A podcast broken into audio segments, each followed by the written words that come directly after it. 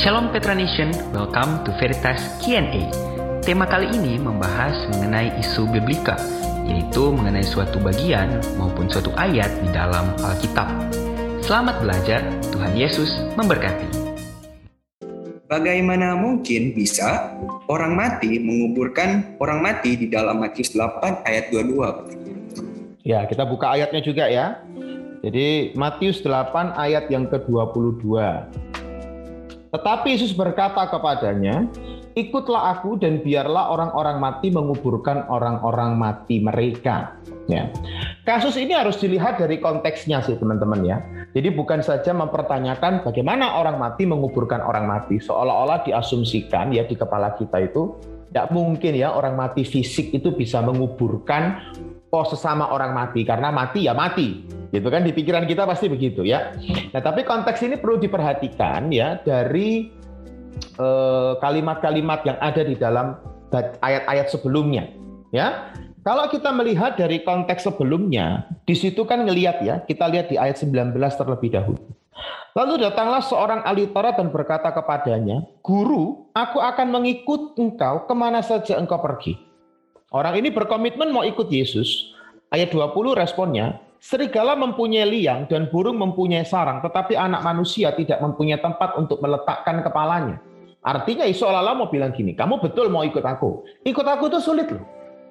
Nah, kurang lebih begitu. Ikut aku sulit. Nah, seorang lain yaitu salah seorang muridnya. Ini sudah jadi murid kalau ini. Kalau orang lain tadi baru akan. Ini sudah jadi murid.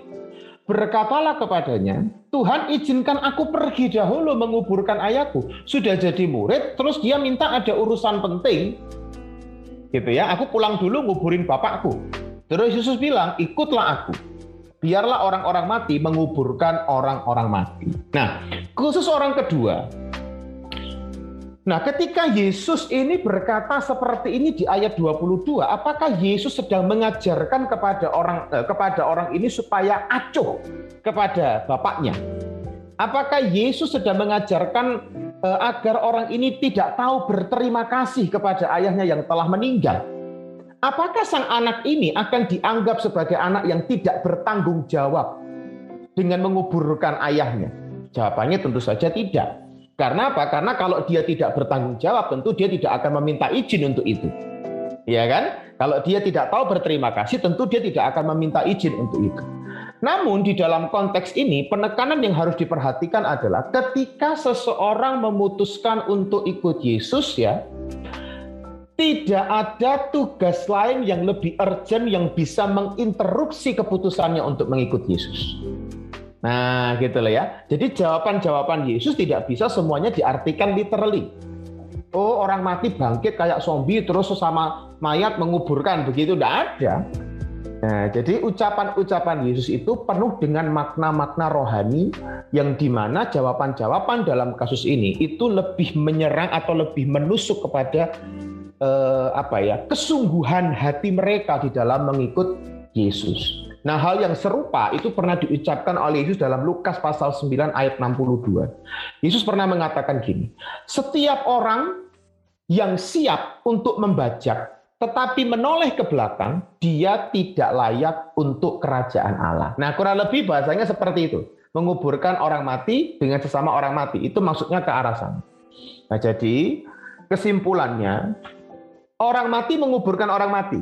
Itu bukan berbicara ada orang mati fisik lain yang bangun dari kematiannya untuk menguburkan orang mati yang lain. Bukan. Karena kita tahu orang mati pasti tidak akan dibiarkan untuk tidak dikubur. Ya kan? Tetapi yang paling penting adalah sekali memutuskan untuk mengikut Yesus, maka tidak ada penundaan demi mengurusi urusan lain. Nah, itu jawabannya untuk pertanyaan ini.